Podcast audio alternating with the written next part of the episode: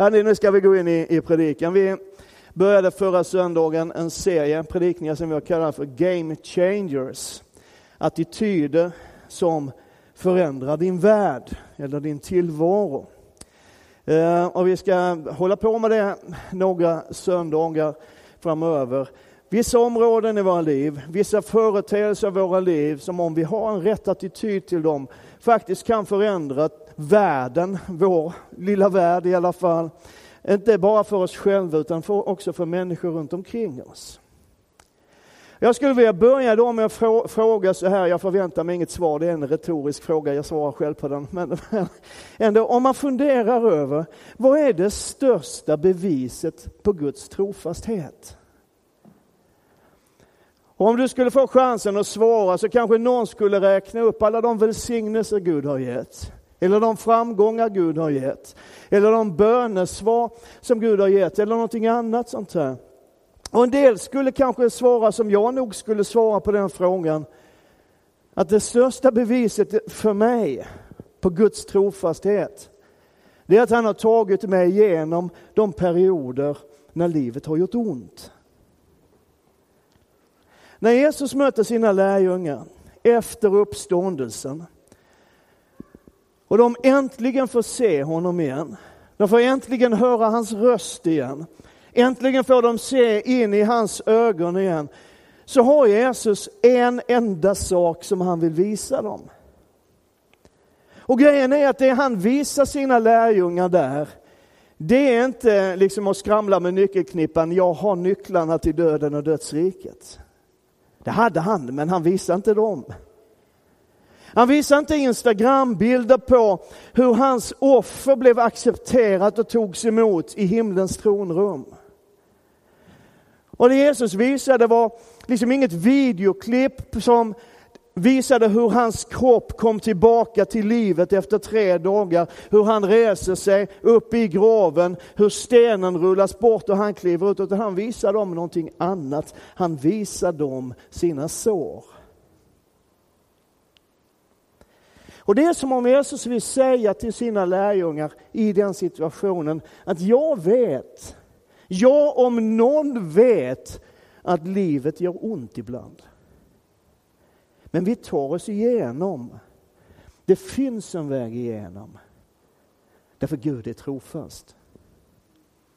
Varenda en av oss som är samlade i ena kyrkan idag bär på sår. Vi har blivit sårade. Det finns saker i ditt liv och i mitt liv som gör ont eller har gjort ont. Och ofta, och kanske till och med oftast, så beror det på andra människor. Men om du är som jag, jag antar att du är rätt lik mig även om du inte vill erkänna det, så, så, så försöker vi så gott vi kan att dölja det där. Att inte låtsas om det. Vet, ibland så möter man den där personen som har sårat en och gjort en illa. Det kan vara på jobbet, eh, det kan vara här i kyrkan också, om vi nu ska vara ärliga, och det ska man väl vara en söndag förmiddag under predikan i alla fall. Så när vi möter den där personen som har sårat oss, som har gjort oss illa, så ler vi och hälsar och allt ser så bra ut på ytan. Men inuti, i våra känslor, i våra hjärtan, så kokar det. Och just den där söndagen, när vi har det som allra jobbigast med känslorna av orättvisa och bitterhet och ilska, så väljer pastorn att läsa den där jobbiga texten från Matteus 6. Och det är inte så farligt i början när Jesus säger, så ska ni be. Vår Fader i himlen, låt ditt namn bli helgat. Låt ditt rike komma, låt din vilja ske på jorden som i himlen.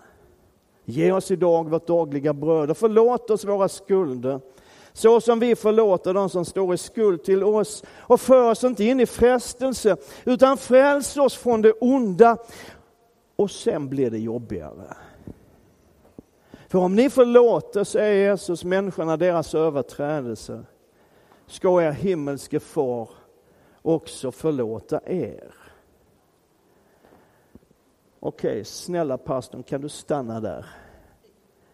Var snäll och läs inte nästa vers. Men pastorn kör bara på, hård och okänslig som han är.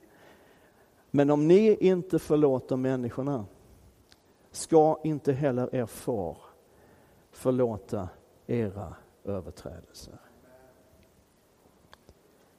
Och Det kan kännas lite jobbigt att höra. Men grejen är att förlåtelsen som Gud ger är villkorad. Om det inte finns en vilja hos mig att förlåta så kan jag inte räkna med att bli förlåten av Gud. Och när jag säger det så vill jag också säga det här. För det är så lätt när man sitter i en gudstjänst och kanske faktiskt brottas med en del saker och det finns en del saker som gör ont, så är det så lätt att man hör någonting som inte sägs. Att man tolkar in någonting som inte menas. Så låt mig säga det här. Och det, det jag säger nu, det säger jag med all kärlek och all värme som jag har. Att det är skillnad på att inte vilja förlåta och att inte kunna förlåta. Det är skillnad på att inte vilja förlåta och att inte kunna förlåta. För jag möter människor ibland som har varit så utsatta och blivit så misshandlade fysiskt och eller eh, psykiskt.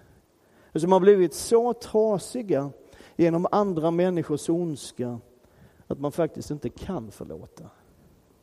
Det är som om förmågan att förlåta inte finns kvar. Man kan till och med, och jag har varit med om sådana situationer, suttit med människor i den situationen, där man till och med vill förlåta, men man kan inte. Och vet du, det sista antagligen man då behöver höra är någon broder eller syster som säger, bara du förlåter så blir du fri, då blir allting bra. För om man har fått sin barndom stulen eller levt år efter år i en destruktiv relation med fysisk eller psykisk misshandel. Om man har blivit förminskad och hånad och förlöjligad så händer någonting inom en. Och precis som alla andra mänskliga egenskaper så kan man förlora förmågan att förlåta. Och jag är helt övertygad, och jag tror jag talar till någon eller några just nu. Jag är helt övertygad om att då, i sådana situationer, i det läget i livet, så är Guds nåd större än vår brustenhet och vår trasighet. Låt mig få säga det. Och låt mig också få säga, fortfarande med stor respekt och mycket kärlek, att jag har faktiskt sett den förmågan få liv igen. Det är ingen lätt väg och den tar tid och den tar kraft, men den finns. Och hur det än blir med det, så vill jag att du ska veta att du är buren och täckt av Guds nåd. Han vet vad det är att vara människa. Men det är inte den vägen riktigt, eller den situationen som jag predikar om idag.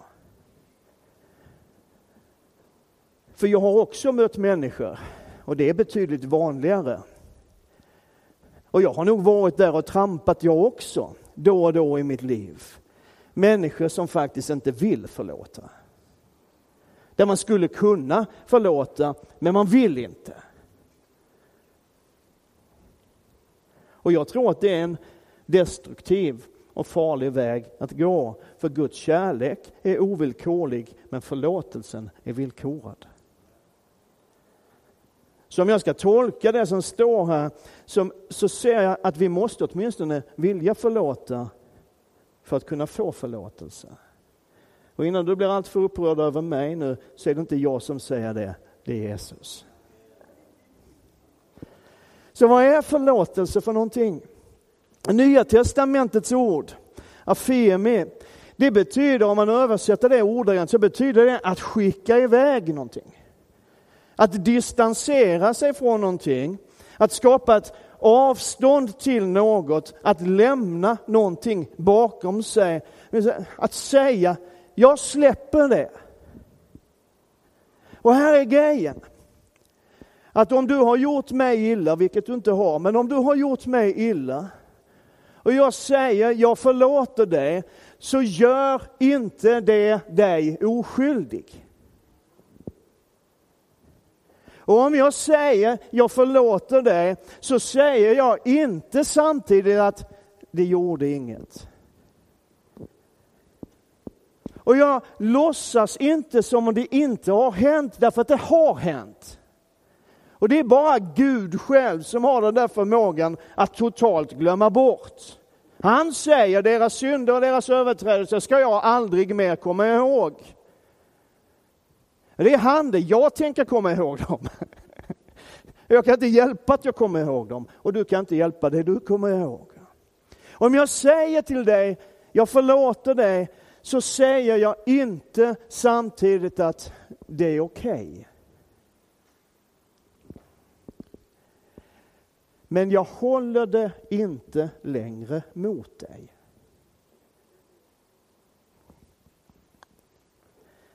Och vet du, det är skillnad på, det här tror jag vi behöver lära oss, både du och jag, det är skillnad på att be om förlåtelse och att be om ursäkt.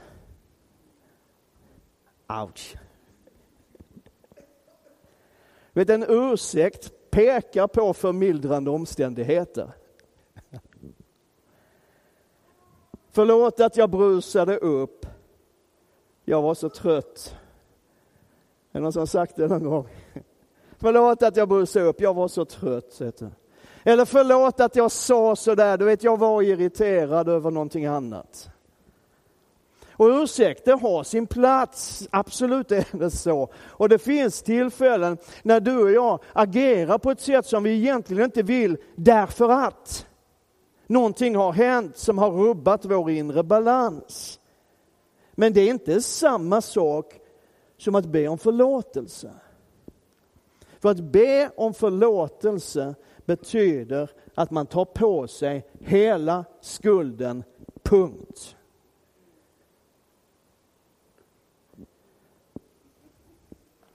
Och förlåtelse är om något en game changer. Jag tror vi alla har upplevt det. Jag hoppas att vi alla har upplevt det där på något sätt. Hur ordet förlåt, som kommer från ett ärligt hjärta, kan lösa upp spänningar, smälta ner det frusna och till och med ibland göra trasigt till helt. Ett enda ord, en enda handling. Och det ser man det i det större och djupare perspektivet så har ju förlåtelsen redan förändrat hela din situation om du tror på Jesus Kristus gett dig livet tillbaka, gett dig en ny start.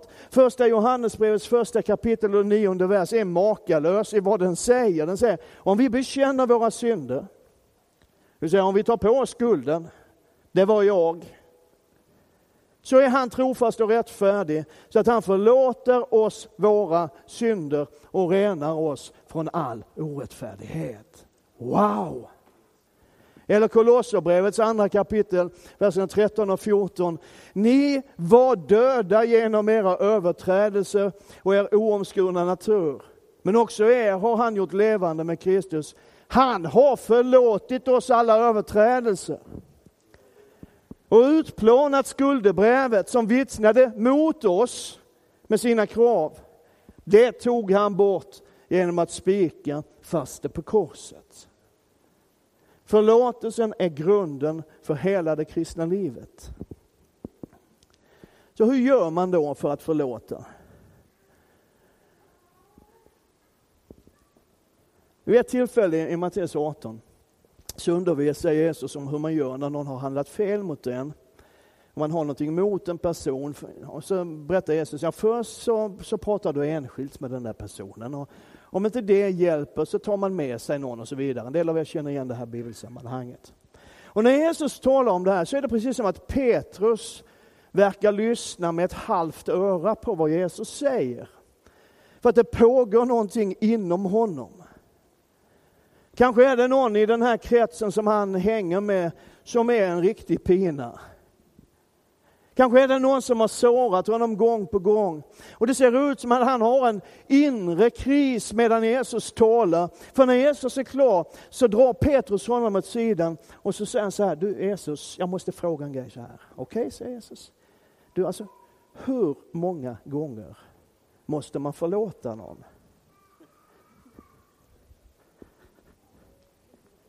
Och så känner han nog själv, Petrus, att han sträcker sig väldigt långt när han föreslår, räcker det med sju gånger? För det fanns ett talesätt på den tiden i den judiska kulturen som sa, tre gånger ska du förlåta. Och så vet ju Petrus att Jesus är lite extrem när det gäller det här med nåd och förlåtelse. Så han drar till med sju. Och så ser Jesus på honom och säger, nej, Sju gånger räcker inte Petrus, utan 70 gånger sju. 490 gånger. Sen är det färdigt. Nej. Och Jesus säger ju inte det för att fastställa ett exakt antal. Liksom så när du är på 491, då är det kört. Utan jag tror att Jesus säger det här för att visa att du och jag alltid måste vara beredd att förlåta. Och så berättar Jesus en story, en liknelse. Det är ganska typiskt Jesus, liksom lärjungar eller någon annan kommer med en väldigt rak fråga och Jesus drar till med en liknelse som, what? Men Jesus berättar en story om en kung som ville ha redovisning av sina tjänare. Så han kallar in sina revisorer och så börjar de gå igenom alla räkenskaper och upptäcker att det finns en tjänare som är skyldig honom 10 000 talenter. Och det är en fullständigt absurd summa pengar. En talent är, en, är, 6 000 dagslöner. Tänk efter nu själv, vad tjänar du om dagen ungefär? Ta din årslön och så ungefär 250 arbetsdagar om året så har du den här. Men han var skyldig mer än en talent, eller hur? Den här killen är skyldig sin arbetsgivare 60 miljoner dagslöner. Och jag kan ju undra lite grann så här vid sidan av mellan dig och mig. Vad hade revisorerna gjort innan den dagen?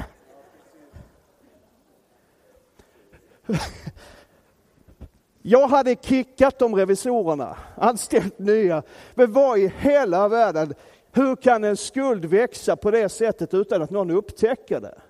Men han är alltså skyldig, alltså det här är ju en story, du vet det va? Ja, en liknelse. Och jag tror att Jesus vill göra en poäng med att göra och låta den här skulden vara helt ofattbart stor. Så här är den här killen med en skuld på 60 miljoner dagslöner. Och det är ungefär 250 arbetsdagar på ett år. Så det här motsvarar 240 000 års arbete.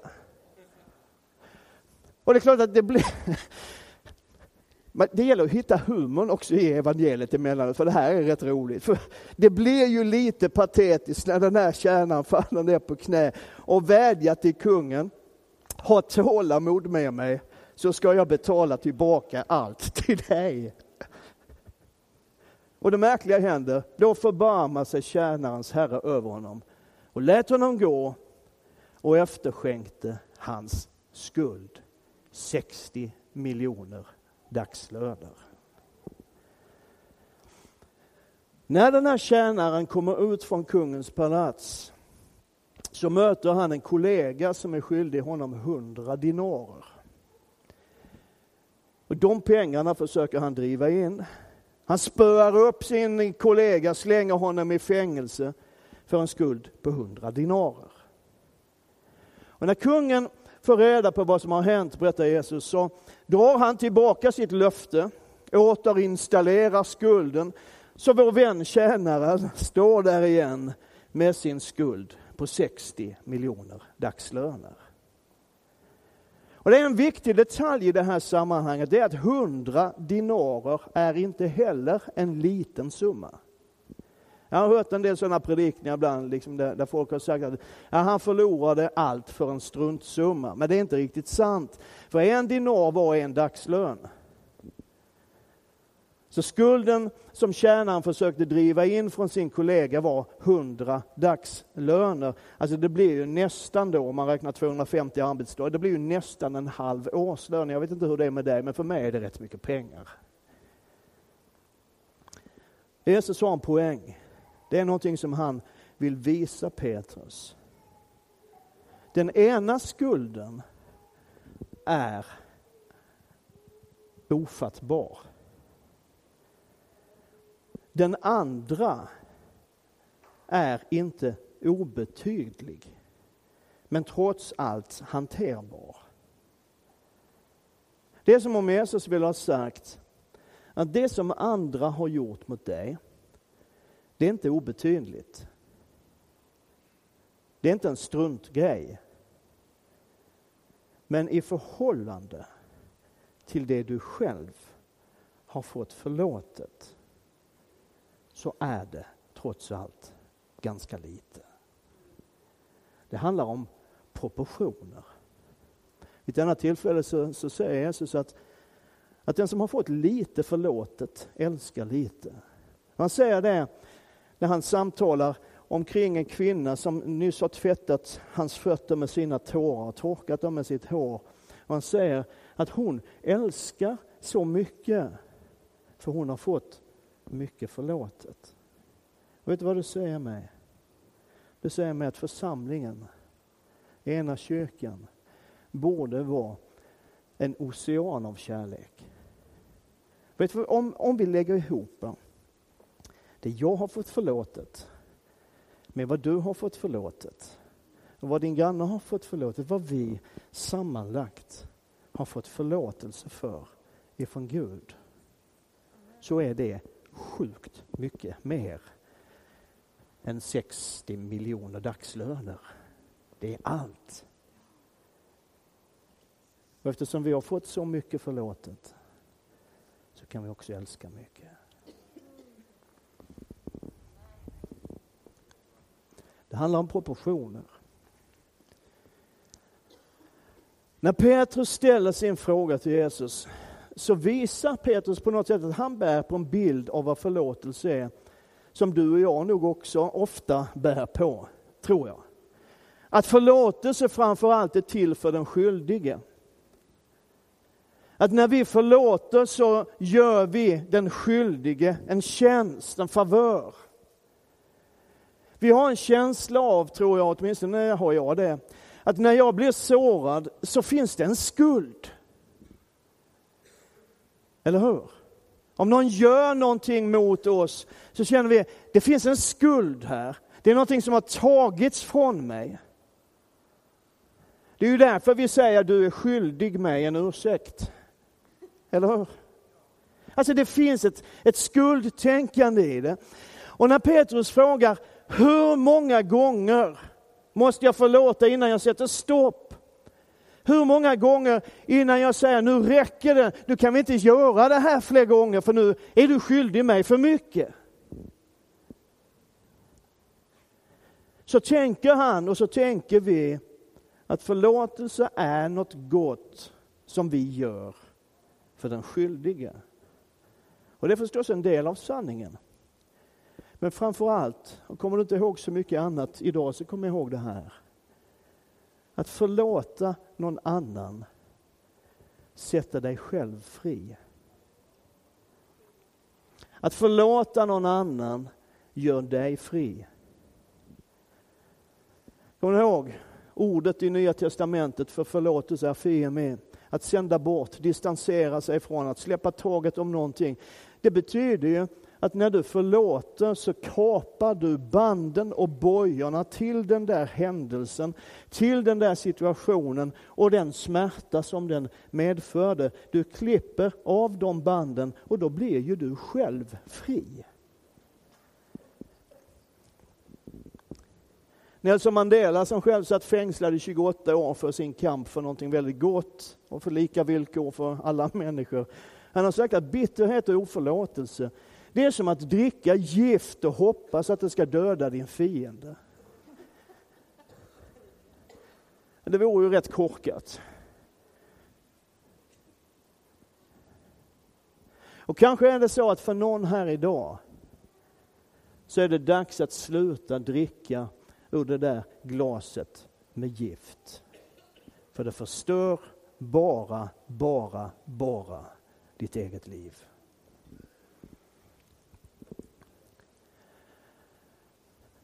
En hjälp, tror jag, som jag själv har försökt praktisera ibland, det är att skilja på sak och person och inse att det är inte personen som gör ont, utan det är han eller hon sa eller gjorde eller inte gjorde eller inte sa. Är du med? Det är inte personen som gör ont, det är den där stenen som han eller hon slängde på dig. Det är den som gör ont. För det händer någonting när vi, när någon sårar oss, handlar fel mot oss, så händer någonting med vårt sätt att se på den människan. Då börjar vi och se dem inte längre som de personer de är, utan vi börjar se dem som det fel de har gjort. Är du med? Och vet, händer det en gång till så är vi nästan cementerade i vår uppfattning om den personen. Och händer det en gång till, ja men då är de sådana. Och det som händer då kallas för selektiv perception. Då börjar vi leta bevis på i allt som sker och allt vad de säger och allt vad de är bevis för att det jag redan tror om den personen är sant.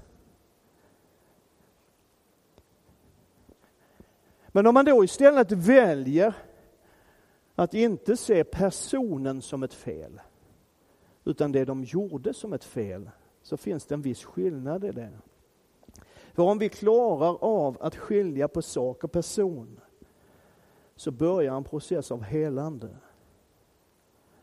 När vi ser andra människor som en person som gjorde fel och inte som ett fel i sig själv. Precis som Gud ser och såg på dig och mig. Han ser människan bakom synden. Jag skulle vilja säga att en viktig grej för oss alla, och det, det, både när vi är i konflikt och för att undvika konflikter. Ge ibland upp din rätt att ha rätt. Ge upp rätten att få rätt. Att bli kvitt, att ge igen. Alltså vi funkar ju ofta så här när vi blir sårade åtminstone jag, jag vet inte hur det är med det, men, men liksom, om jag blir sårad, irriterad, arg, ledsen på någon så försöker jag såra tillbaka. Du är ju inte sån, för du är så extremt mycket mer helgad än jag. Men jag försöker i min syndiga natur ofta att säga något lika elakt tillbaks. Och grejen är att jag är inte in på det, det, det kriget, för jag är mycket elakare än du. Men lika, men lika ofta, om inte oftare, så börjar vi bygga en mur. En mur som säger, jag ska aldrig mer prata med den personen, jag ska aldrig mer umgås med honom eller henne. Det är en mur som ignorerar och stänger ute. Och det vi inte fattar när vi bygger en sån mur av hat och ovilja mot andra människor, så stänger samma mur också ute Guds kärlek och Guds nåd och Guds förlåtelse från våra liv. Om ni inte förlåter så ska inte heller er far förlåta er. Och därför behöver vi nog ibland bara ge upp den här rätten att få rätt.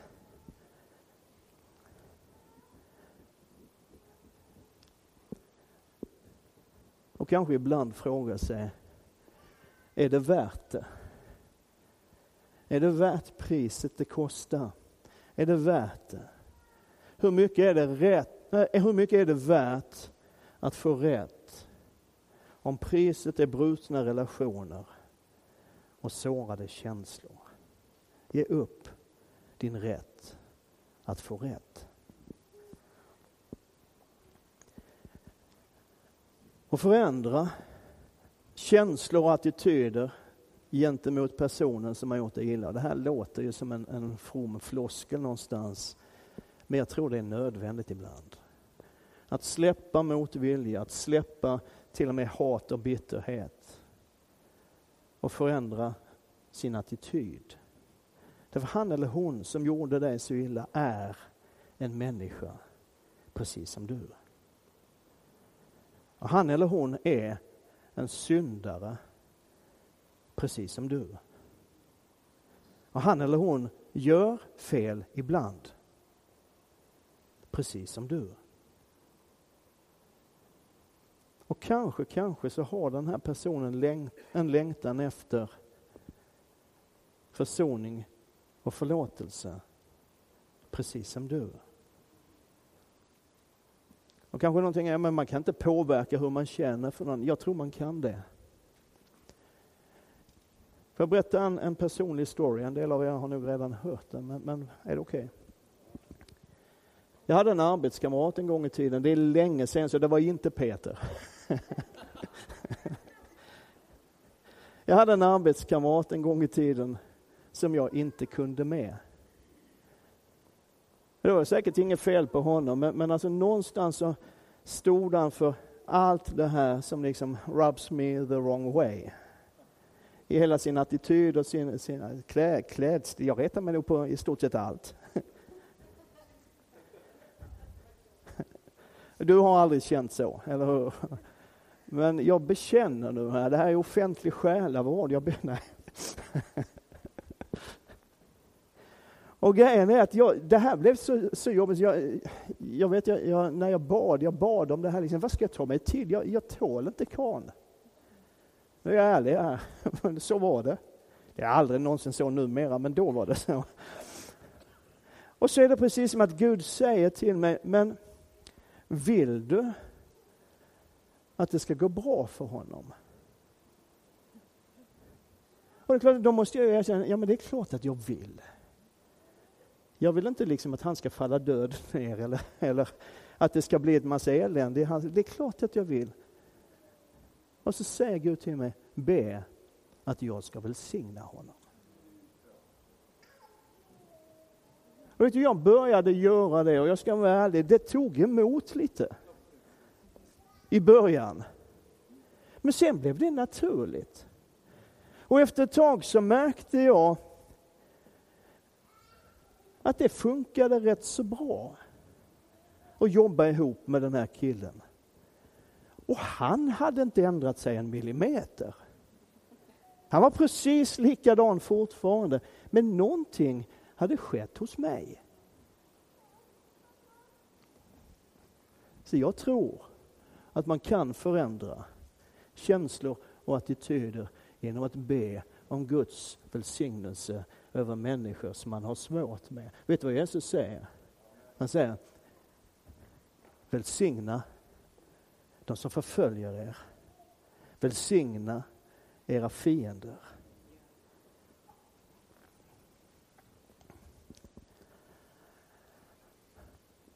Ernest Hemingway skrev en bok som heter Short Stories och i den finns en novell som heter Capital of the World. Och jag tror att jag har berättat den här korta storyn förut, men jag tänker ta den igen därför att jag tycker att den här har en poäng. Den är en sorts modern version av den förlorade sonen. Den handlar om Paco, den här novellen, som sticker iväg hemifrån och man får inte reda på varför han drar, men det är någonting som har hänt som har gjort att relationerna hemma har gått sönder. Och Paco har i det här gjort någonting som får honom att må så dåligt Så han vandrar runt på Madrids gator och drömmer om att få jobb som tjurfäktare. För om han får jobb från tjurfäktare kommer han säkert att bli dödad av tjuren. Men hans pappa, trots det som nu har hänt, älskar sin son, vill få honom tillbaka igen. Så han sätter in en annons i La Liberal där han skriver Paco, möt mig på hotell Montana på tisdag klockan 12. Allt är förlåtet. Pappa. Grejen är att Paco är ett ganska vanligt namn i Spanien. Så när pappan kommer till Hotel Montana på tisdagen klockan 12 för att möta sin son, så är det inte en Paco som står och väntar där, utan det är 800 Pacos. Som står där och väntar med en längtan efter försoning och förlåtelse. Och jag tror att Hemingway träffar någonting så mitt i prick. Därför det finns en sån enorm längtan efter förlåtelse i den här världen. Det finns så enormt många trasiga relationer. Det finns så många tillfällen när ord som har sårat och handlingar som har förstört. Det finns så mycket av sånt som borde ha gjorts men inte gjordes. Och det finns sånt som har gjorts som aldrig borde ha gjorts. Och så längtar vi människor efter förlåtelse. Och så har du och jag makten i vår hand, på vår tunga, att ge den. Och kanske är det så att den där personen som har sårat dig, som du kanske till och med ser som en fiende, lika mycket som du längtar efter förlåtelse och försoning. Inse vad du själv har fått förlåtet. Skilj på sak och person, för det är inte personen som gör ont inom dig. Ge upp din rätt att få rätt, för det är inte värt det.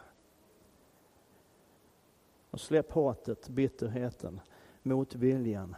Utplåna och efterskänk skulden. Du har makten att sätta någon fri idag.